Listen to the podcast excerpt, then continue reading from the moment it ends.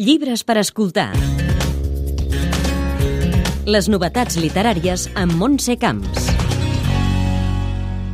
Set anys després de Mare i Filla, l'escriptora i política catalana Jen Díaz publica nova novel·la, Els possessius, editat per Amsterdam Llibres.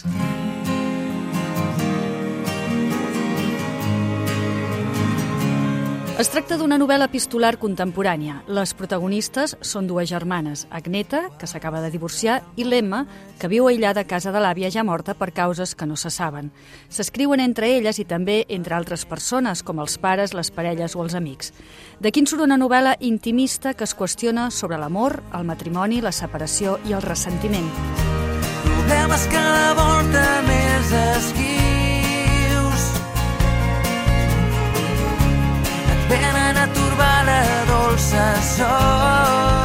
Hem parlat amb Gent Díaz i li demanem quina visió volies donar del matrimoni.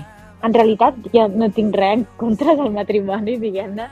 Sí que estic en contra d'una certa idea del matrimoni, d'entendre la unió entre dues persones com una cosa estàtica, que no es pot moure, que no pot evolucionar, i que entenem l'evolució i el canvi com un fracàs d'aquest matrimoni, quan en realitat si acceptem que no som estàtics, si acceptem que ens estan passant coses constantment i que ens atrevim a que ens passin aquestes coses i ens atrevim a mirar més enllà no? de, de les coses que han marcat per nosaltres, és impossible que l'amor i el matrimoni no evolucioni. Les separacions, el divorci, han de ser forçosament traumàtics? He intentat explicar que, igual que hem de parlar del bon amor, no? també hem de parlar del bon divorci.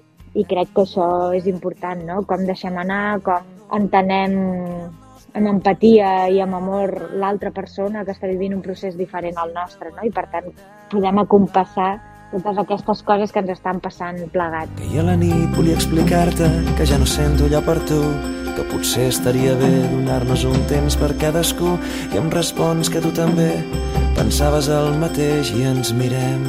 Totes les relacions tenen data de caducitat? No ho sé, el que sí que tinc clar és que les relacions evolucionen i les relacions avancen i les relacions caminen cap a, cap a llocs nous i per tant ens hauríem de preguntar què vol dir que caduqui, no? Perquè potser la relació que fins ara en teníem des, des de l'amor romàntic, no? una relació de parella, evoluciona cap a una altra forma d'amor que és l'amistat.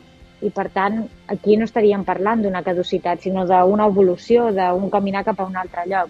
Creus que aniria millor si no es volgués posseir coses o persones? Totalment. De fet, el títol el que vol és convidar a fer aquesta reflexió, no? perquè juga amb dues definicions. Per una banda, els possessius de creure que les coses són nostres, no? que hi ha un nosaltres i, per tant, quan aquest nosaltres varia i se'n va cap a un tu, cap a un jo, cap a... se'n va cap a altres formes singulars no? dels possessius, ha aquest dolor, no? I també aquests possessius amb els objectes, no? Aquella taula que era nostra i cada cop ja és la teva taula, aquella casa, i després també doncs, entendre l'amor des d'aquesta possessió, no? Tots els nostres vincles des de la possessió. Evidentment, si nosaltres aconseguíssim estimar i deixar d'estimar sense aquest sentiment de possessió, probablement viuríem més lliures.